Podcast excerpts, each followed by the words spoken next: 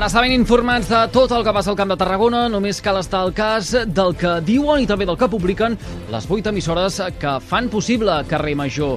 És divendres 14 d'abril de 2023 i això és l'Infotarda Daily.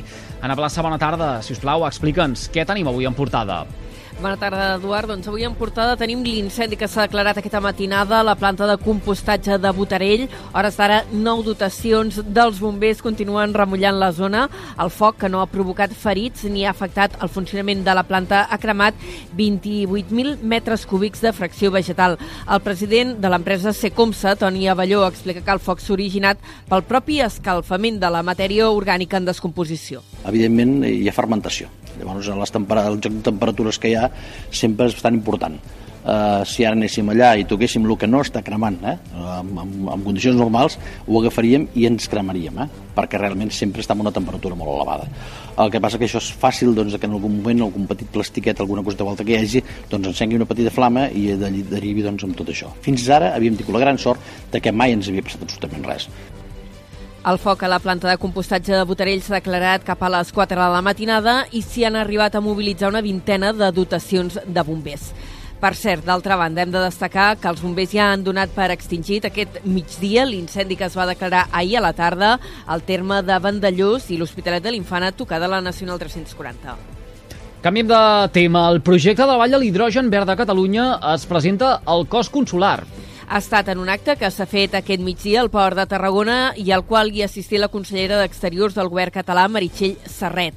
Serret hi ha anunciat que en les pròximes setmanes la Generalitat crearà un grup interdepartamental en descarbonització de la indústria, la mobilitat i l'impuls de l'hidrogen, un tema en el qual a Tarragona s'és referent que el govern també aprovarem en els propers dies un acord de govern en el qual falquem també aquesta aposta estratègica per l'hidrogen verd, acompanyant encara més i millor la iniciativa no?, que s'està portant aquí amb la Vall d'Hidrogen Verd de Tarragona i que connecta també amb aquella iniciativa a nivell europeu d'aquest AC2Med que connectarà el port de Barcelona amb Marsella. En aquest marc també s'inclourà el Centre Català per a la Descarbonització i la Indústria que s'ha de desenvolupar al voltant del complex petroquímic de Tarragona. Més coses. El Ministeri de l'Interior detecta i corregeix l'error que va impedir l'enviament massiu d'alertes en l'exercici que es va fer dimecres. La prova anava acompanyada d'una enquesta que han respost més de 7.000 persones de les quals només un 35% van rebre correctament el missatge d'emergència. El Ministeri de l'Interior assegura en el seu informe que ja s'ha posat solució a aquest problema per tal de que no es repeteixi. I en aquest sentit, Protecció Civil de la Generalitat avalua ara en quin moment pot tornar a repetir la prova i anuncia que serà en les pròximes setmanes. I els treballadors d'Iquoxe secunden avui una segona jornada de vaga per reclamar la readmissió del president del comitè d'empresa.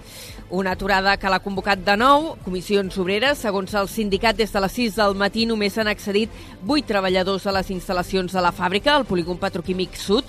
En canvi, l'empresa ha més un comunicat xifrant el seguiment de la vaga en només 11 treballadors. A més, la companyia ha denunciat coacció per part dels sindicalistes que han muntat un piquet informatiu a l'accés del recinte.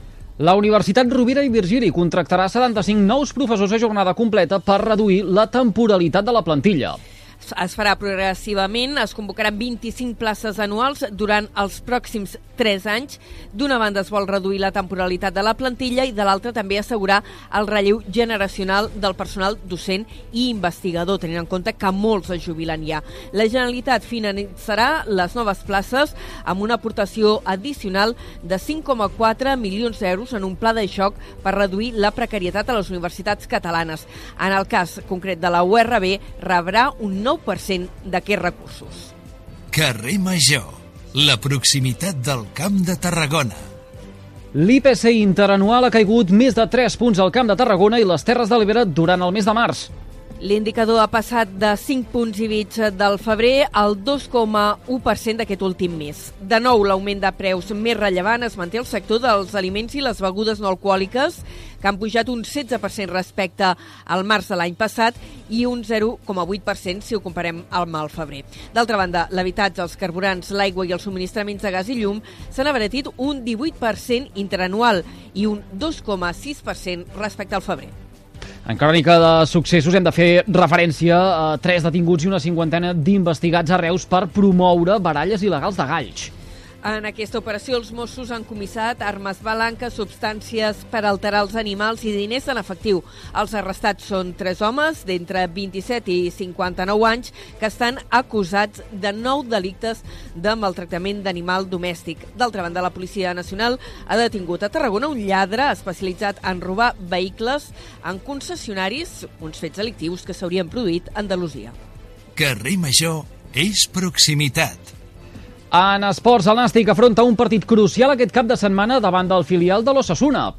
Un triomf significaria deixar el descens a una distància ja molt important i sumar 45 punts que podrien ser suficients per salvar la categoria quan falten encara 6 jornades per disputar-se. L'entrenador grana, Dani Vidal, exposava avui així la transcendència d'aquest partit. Si ganamos esta semana, hay opción para todo. Es que es esta semana.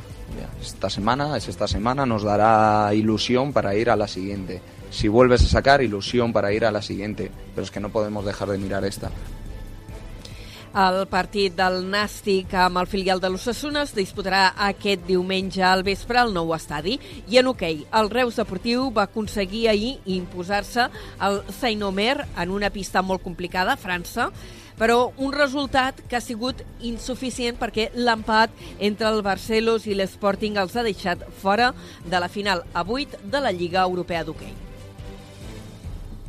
Carrer Major, fent camp de Tarragona.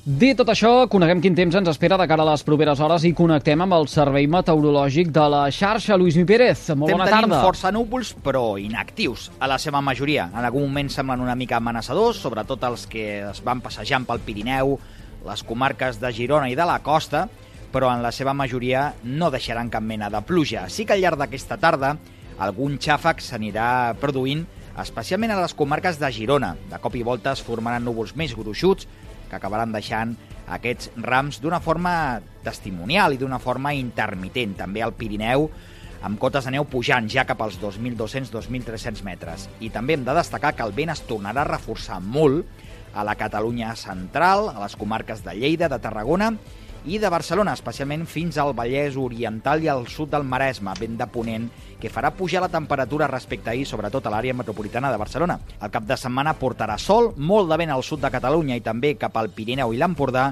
i una pujada de temperatura en vista diumenge. Ho anirem seguint a la xarxa. Ara sí, doncs ho haurem de deixar aquí a la plaça. Gràcies per aquesta pinzellada informativa, com diem sempre, amb el més destacat de la jornada al Camp de Tarragona. Fins després. Adéu. I tots vostès poden recuperar l'Info Tarda Daily d'aquest divendres, 14 d'abril, des de les xarxes socials i també des dels respectius serveis de ràdio a la carta a les 8 emissores que cada tarda passegen plegades pel carrer Major. Gràcies per seguir-nos.